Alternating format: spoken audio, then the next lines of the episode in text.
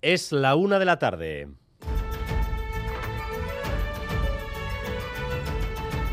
Crónica de Euskadi con Dani Álvarez. A Rachaldeón, el secuestro de un bebé en Basurto lleva a Osakidecha a endurecer las normas de acceso a las maternidades de sus siete hospitales. Primero, ni empleados ni familias podrán acceder sin tarjeta identificativa. Los protocolos se comunicarán además a madres y padres con una verificación que demuestre que han sido informados.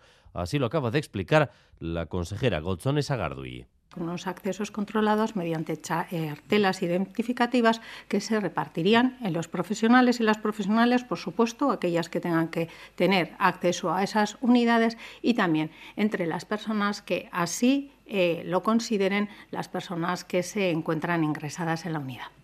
Enseguida les damos los detalles de este nuevo y reforzado protocolo, pero antes vamos a conectar con el Cursal, porque allí el Grupo Mondragón desarrolla su cita anual sin la asistencia de Ulma y Orona, las dos empresas que se plantean salir del grupo. Una ausencia que parece una indirecta muy directa para un inminente Coopexit. Rodrigo Manero, adelante.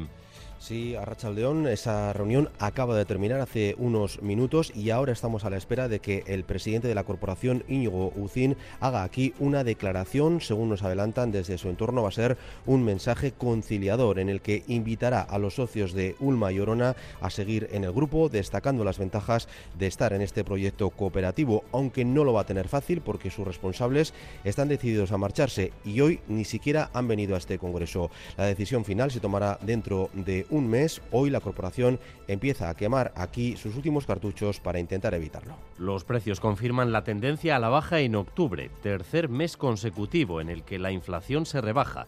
Eso sí, no hay descanso ni paz en la alimentación. En la alimentación, un 15% de ascenso en los precios. Xavi Segovia.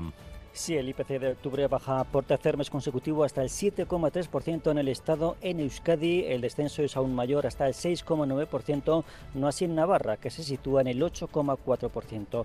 El contrapunto lo pone la alimentación, que registra su mayor subida histórica hasta el 15,4%. Lo que más suben el azúcar, las hortalizas y las legumbres.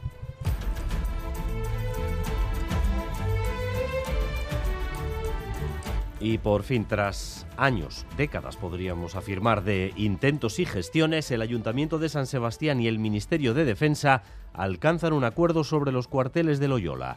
El ejército va a dejar esos terrenos en cuatro años, a cambio de más de 70 millones de euros. El alcalde Goya describe así el cambio que va a experimentar la ciudad. Una ubicación que nos da enormes posibilidades porque cose absolutamente la ciudad en torno al río Urumea, conectándolo con el barrio de Doyoda, con Chominenea, con Inchaurrondo, generando nuevas comunicaciones y abriendo totalmente ese ámbito a lo que es la ciudad. Según un estudio realizado entre estudiantes de secundaria en Euskadi, el consumo de drogas y alcohol entre los chavales está descendiendo. Eso sí, tenemos consumos muy elevados si los comparamos con los de otras comunidades autónomas. Eso sí, hay uno que aumenta notablemente, los psicofármacos, con y sin receta.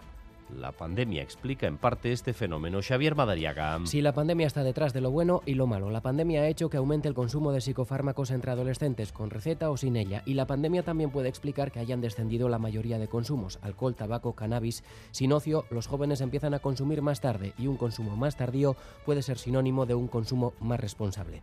Enseguida todos los detalles de este décimo informe Drogas y Escuela que hace la Universidad de Deusto. Y desde hace unas horas, este planeta tiene más de 8.000 millones de habitantes. Aitziber Bilbao. Sí, ha nacido Damián hoy en República Dominicana y hace el habitante número 8.000 millones del planeta. Seremos 9.700 millones en 2050 y se apunta al techo que según los expertos se situará en torno a 2080, con 10.700 millones de personas en el planeta. China es el país más poblado del mundo, pero ya este año ha empezado a perder población y en Europa están 31 de los 50 países que menos crecerán en población hasta 2030. Y esta mañana se ha presentado en Donostia el álbum ilustrado Ni es nice Mikel Laboa escrita a cuatro manos por Unai Turriaga y Arcaiz Cano y con ilustraciones del dibujante Joseba Larrache.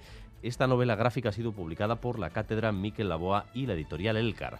Según decían en la presentación, no se trata de una biografía al uso, sino de una suerte de relato poético sobre la vida de la boa que tiene mucho de imaginación y de juego. Así lo decía Arcaiz Cano. Askatasuna aldarte jostari eta umoretsua, eta arriskuak hartzeko gogoa, hori zelakoan laboa nolabai komiki garri bihurtzeko modua. Bere espiritu jolasti horri jarraiki biografia agertzen joan zaigula.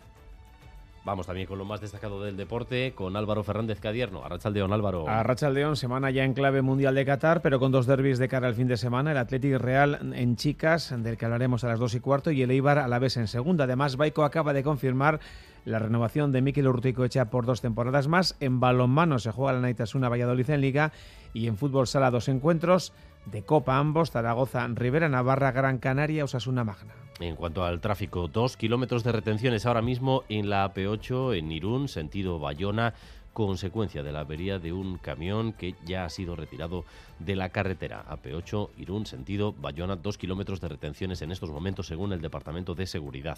En cuanto al tiempo, hemos tenido una mañana desapacible, de vientos fuertes en Araba y Vizcaya. Por la tarde ese viento girará a noroeste y eh, irá amainando. En las próximas horas llegará un frente que nos dejará precipitaciones que pueden llegar a ser localmente intensas. Temperaturas sin grandes cambios. 18 grados ahora mismo en Donostia, en Bilbao o en Bayona. 14 grados de temperatura en Vitoria-Gasteiz y en Pamplona. Gracias un día más por elegir Radio Euskadi y Radio Vitoria para informarse. Raúl González y Jorge Ibáñez se encargan de la dirección técnica, a Itziber Bilbao de la coordinación.